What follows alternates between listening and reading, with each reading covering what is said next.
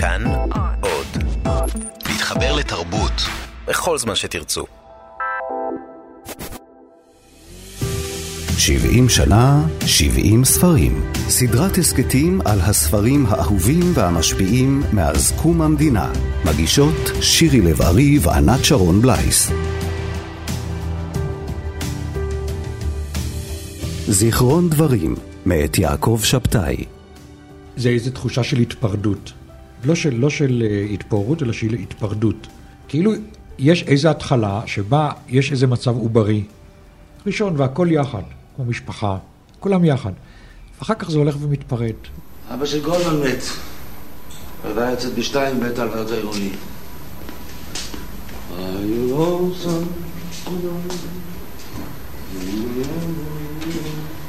מה דעתך על המוות הזה? המשפטים הארוכים, הפסקאות הבלתי נגמרות, ללא סימני הפיסוק, תחושת השקיעה, ובעיקר משפט הפתיחה המפורסם, אביו של גולדמן מת ב-1 באפריל, ואילו גולדמן התאבד ב-1 בינואר. כל אלה הם סימני ההיכר של הרומן של יעקב שבתאי, זיכרון דברים, שראה אור בשנת 1977, ותפס כבר עם צאתו לאור מקום של כבוד על מדף הספרים הישראלי. זיכרון דברים נשאר מאז ועד היום מודל לכתיבה מופתית שהשפיע על דורות של סופרים וסופרות שכותבים שבתאית עד עצם היום הזה. אני לא התאהבתי בשבתאי, אה, כמו הרבה דברים, אה, זה התחיל במקרה, הייתי צריך לבחור נושא לדוקטורט. והיו שני סופרים שזכרתי שעשו עליי רושם ולא הבנתי אותם.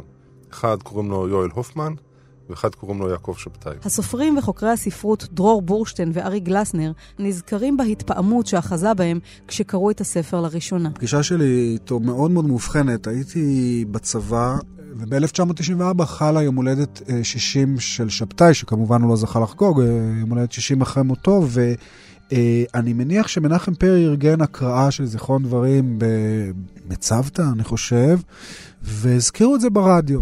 ובין החזקת המחסומים והשמירות בבסיס שליד, בכפר ערבי שנקרא בטא, מיהרתי לקנות אותו.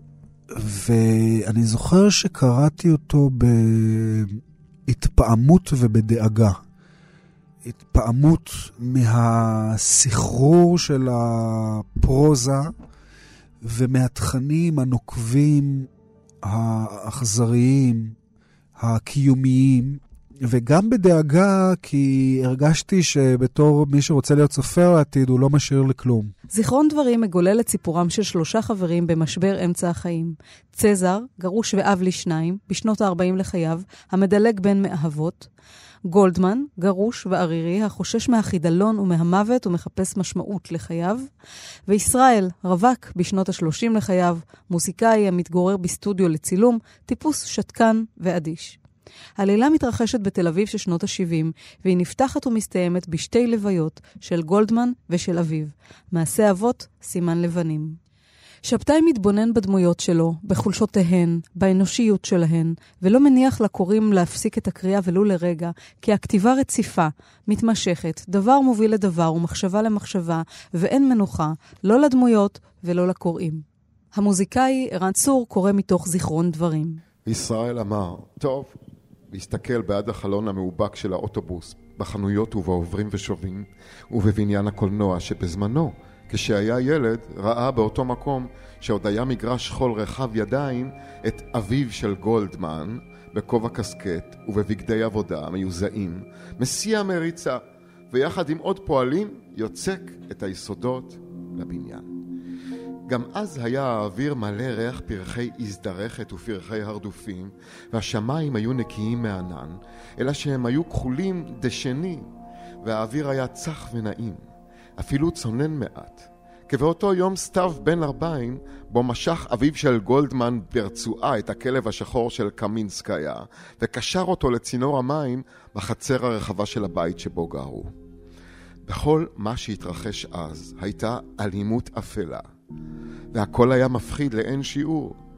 ובאוויר הרפה הייתה רגיעה ענוגה קטיפתית, והציפורים, שעשו להם קינים בין ענפי ההזדרכת והברושים והירקנדה ובין ענפי הפיקוס הענקי והשלהב, שכבר התחיל להשאיר את עליו ואת פרחיו האדומים, ובסעיפי צינורות המים בסתר הבוגונביליה, צייצו מלוא גרונם, כאילו היה להם יום חג. ומילאו את חלל החצר ברעש עליז. בריאיון לאילנה צוקרמן בקול ישראל דיבר יעקב שבתאי על חוויית הגעגועים. הוא ספוג געגועים, וזאת גם נקודה. מה זה הסיפור של תל אביב, שהיא משתנה? מה זה שאני מרגיש את עצמי בה כמו פליט? ואני בהחלט מרגיש את עצמי כמו פליט בתל אביב. כמו איש, כמו איש גולה בארץ שלו. ככה, זאת ההרגשה שלי. זאת הרגשה קשה מאוד. עכשיו, היא לא מתפרנסת רק מהאנשים האחרים או מכל מיני שינויים פוליטיים וככה, אבל היא מתפרנסת הרבה מאוד פשוט מחוויות היומיום, מהמראות עצמם, פשוט מהמראות עצמם. עכשיו, כמו כל חוויה של געגועים, זאת חוויה מכאיבה, אבל היא גם חוויה, חוויה מעשירה. ובדרך מסוימת היא גם לא בלתי נעימה. זיכרון דברים מתאר כאמור את חייהם של תל אביבים בורגנים בשנות ה-70, שחיים בתוך אווירת חידלון, אשליה עצמית ובריחה מתמדת מן המוות. אבות ובנים זה אחד מהנושאים הגדולים והנצחיים של הספרות. הוא תפס שם איזשהו מעבר שהוא גם פרטי אצל חיים של דמויות, אבל גם הוא מעבר אה, בין דור אבות ודור בנים של החברה הישראלית בכלל. כלומר, בין אה, דור מייסדים לדור שבא אחר כך. בין דור שהוא יותר אידיאולוגי, דור שהגשים, דור שבנה, דור שגם היה צריך להיות במובן מסוים עריץ כדי להגשים ולבנות ולדרוך על אנשים אחרים. מפלצות התהילה כאלה, כמו התקליט של משינה.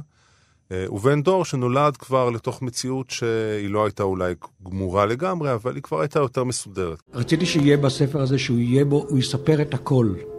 אבל כשאני מתכוון לכל, אני מתכוון, אני לא מתכוון לאיזה סיפורים גדולים מאוד, זאת אומרת גם לסיפורים גדולים, אבל באמת לדברים הקטנים ביותר שבשבילי הם מוגדרים כסיפור. זה איזה פיהוק שמישהו פיהק, משפט מסוים שנתקע לי בראש מלפני שנים, פרצוף של בן אדם, קרוב משפחה או רחוק, מישהו מבני עיירה, בגד, צורה, אה, תנועת יד. תמיד המשפט מתחיל בנקודה, נגיד בדמות אחת, והוא, והוא אף פעם, הוא תמיד ייגמר, הוא נגמר בדמות אחרת, הוא מתחיל בזמן אחד, או בלוקיישן אחד ועובר לכם. ישנה איזו תנועה מתפתלת כזאת. אבל אביו של גולדמן סירב לסלוח לה, והוא שנא אותה, ואת הליכותיה, ואת השירים ששרה, ואת הבגדים שלבשה, ואת הכלב השחור שלה, שקמינסקיה קראה לו נוי סומברה, אשר עמד בשקט, קשור לצינור המים, והסתכל באביו של גולדמן, שפניו היו חברות כסיד ומתוחות, מרוב בהלה ומרוב רוע. נוי סומרה אפילו קשקש בזנבו, שהרי הוא לא יכול היה לנחש שאביו של גולדמן יהרוג אותו בעוד שניות מעטות. אבל אביו של גולדמן התקרב אליו ולפתע שלף מתוך חולצתו פטיש בנאים, והיכה במהירות בחמת זעם בראשו, ונוי סומברה השמיע נאקה משונה והתנודד. ואביו של גולדמן צעק בכל כוחותיו, שימות, שימות, הוא צריך למות.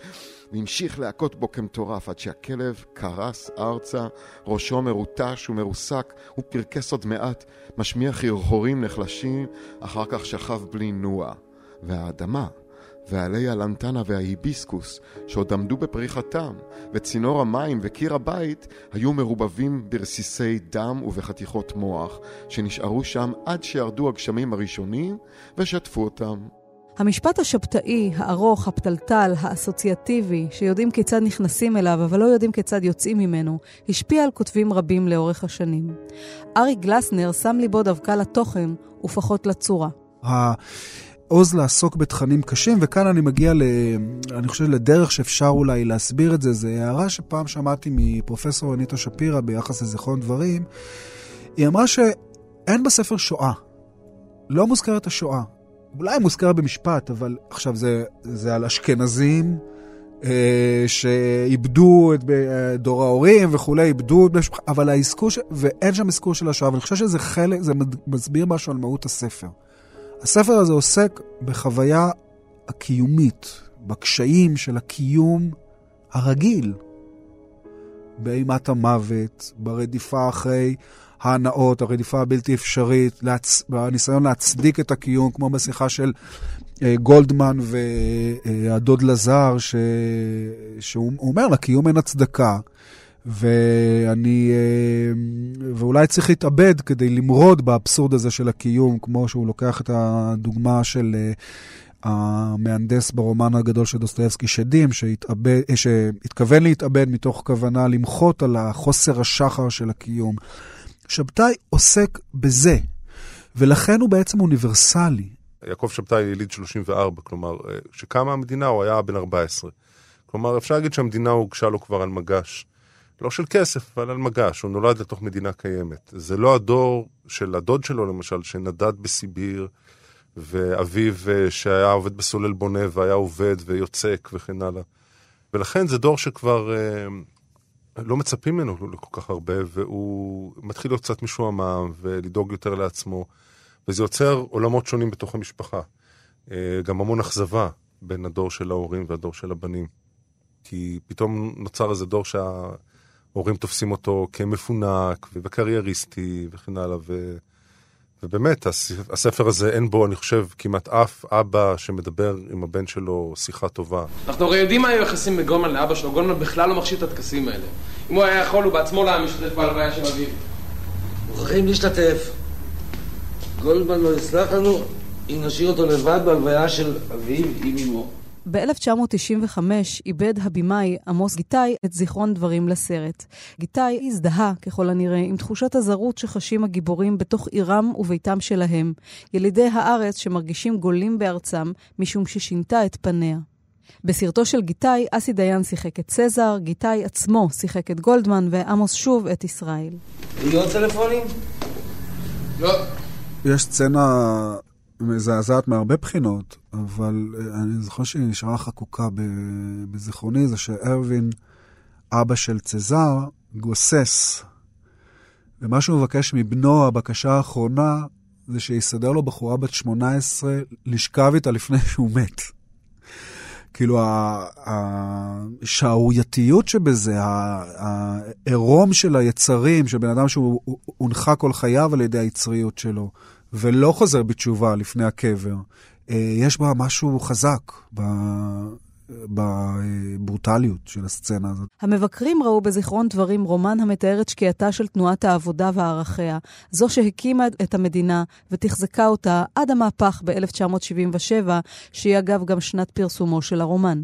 מדאיג אותי בתור אדם שחי בארץ, איזה תהליך של הפניית עורף לכמה אה, הנחות או עקרונות יסוד שפרנסו את הארץ, הערכה של, של, של ערכים הומניסטיים, החיוב נגיד של, של, של אמירת האמת, של החתירה לאמת, וגם, אני חושב, וזה היה מושג, פשוט הערכה הגדולה והרצון והערכה הגדולה ליפות הנפש.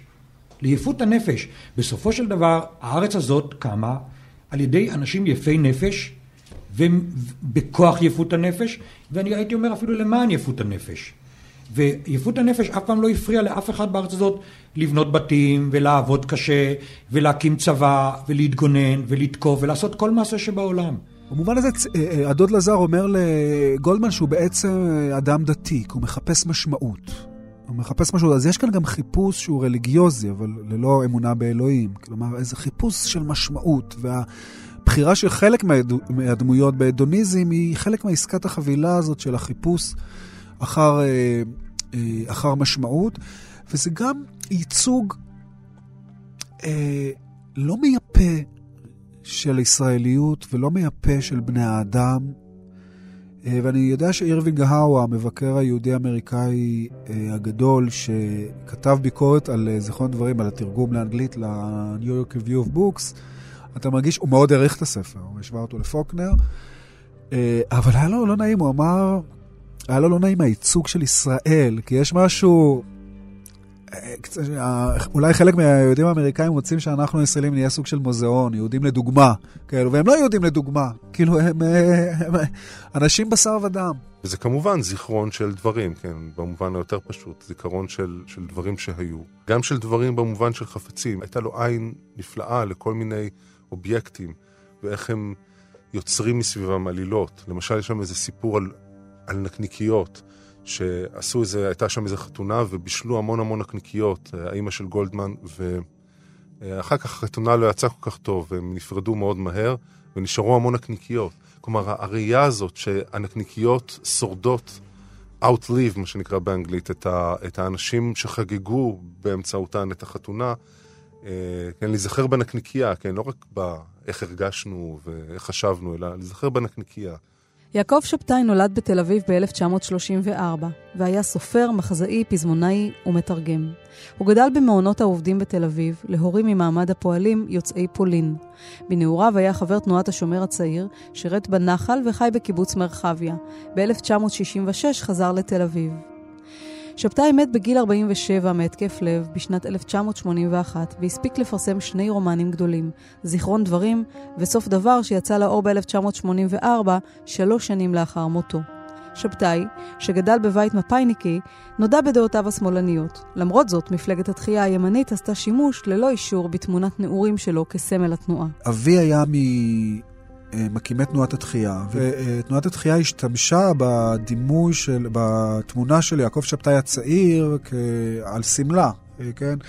אה, יעקב שבתאי היפה, יפה התואר והצעיר כסמל ליהודי החדש הארץ-ישראלי, ועדנה שבתאי לימים היא אמרה לי, אמרה לי שזו היא עצמה, לא נציגים מטעמה, ביקשה שלא, כאילו ביקשה, או אפילו פנתה לערכאות, אני לא יודע בדיוק את התהליך שנעשה, והיה צריך לשנות את, ה, את התמונה כדי שזה לא תהיה בדיוק תמונתו של יעקב שבתאי, וזה... אה, האנקדוטה הזאת היא בעיניי גם מבטאת את המקום המרוחק לכאורה שאני מגיע אליו, אל שבתאי, לא מתנועת העבודה, אלא מה... הכיוון הפוליטי השני, ועם זאת אני זוכר שהרגשתי קרבה גדולה אל הדמויות, לא אל כולן, אה, וגם הדמויות הגברים הרעועות, אה, השבריריות, גבריות שברירית כזאת, שלא נותנת לשבריריות אה, מקום, כלומר, לא מקבלת את השבריריות של עצמן, הדמויות לא מקבלות את השבריריות של עצמן, זה גם משהו שגם הזכיר לי את אבא שלי, ו... עוד אה, דמויות במשפחה שלנו, כלומר הרגשתי קרבה גם מאוד חזקה. זה רומן שהשם שלו הוא, הוא משפטי, כלומר זיכרון דברים זה מונח אה, משפטי, כן? אה, זה משהו שהוא בעצם סוג מסוים של טיוטה, כן? זה, זיכרון דברים זה החוזה שעושים לפני החוזה. אז אה, זה דבר מעניין אני חושב, מכיוון שבאמת זה הכוח של הרומן, שיש בו משהו עם כל ההקפדה שיש בו, והוא היה אובססיבי, יש בו משהו בלתי גמור. יש בו משהו שהוא פותח חוטים ועוזב אותם והולך לחוטים אחרים. זה רומן שבעצם היה אפשר לכתוב עוד המשכים לו, מכיוון שכל הדמויות שם נכנסות ויוצאות ואין שם שום דבר כמעט שנגמר, כולל המשפט האחרון של הרומן. שום דבר לא נגמר. גם אחרי שאחד מהגיבורים הראשיים מת, זה לא נגמר, מכיוון שההדף של המוות שלו יוצר כל כך הרבה עלילות חדשות, שזה פשוט ממשיך כל הזמן, וזה הוא הבין מאוד מאוד טוב, אני חושב, שבתאי. אז במובן הזה, זה זיכרון דברים, זה לא החוזה... הסופי בינך ובין הקורא, בין הסופר ובין הקורא, אלא רק איזה מין טיוטה למשהו שאפשר לדבר עליו ולכתוב אותו עוד ועוד ועוד. זה ספר שהוא תהום וגשר בו זמנית. כלומר, הוא יוצר את ה... הוא מראה את התהום של הקיום, ובו זמנית מראה איך בעזרת מילים אפשר ליצור גשר של פרוזה שעובר מעל התהום הזאת. כלומר, הוא, הוא מעניק לך הן את חוויית התהומיות והן את היכולת אה, להיחלץ ממנה. שקט חם כבד, שני ילדים יושבים בתוך שורשי אקליפטוס ענק, אקליפטוס ענק ששותה לרוויה את המים תל אביב, גדות הירקון, אלף תשע מאות חמישים. זוג אוהבים בסירת משור, חוצים בהנאה את המים החולים.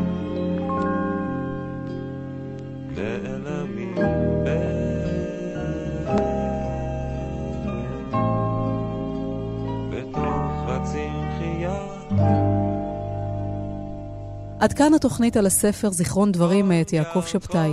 כאן באולפן, שירי לב-ארי.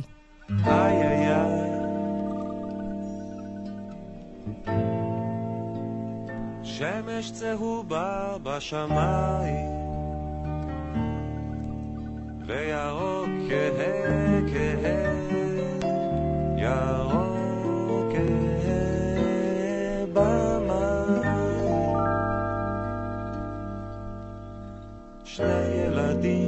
וסירה, והזמן זוכר לאט. איי איי איי.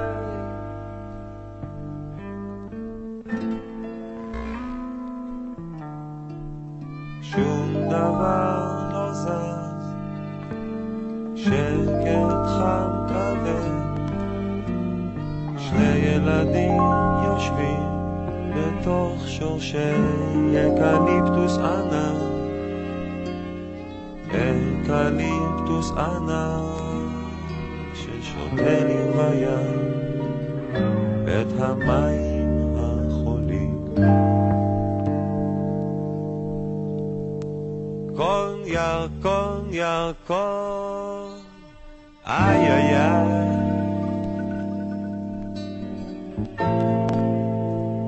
שמש צהובה בשמיים,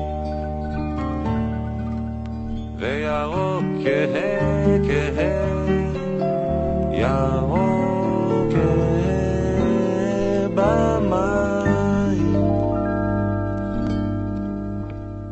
שני ילדים וסירה, והזמן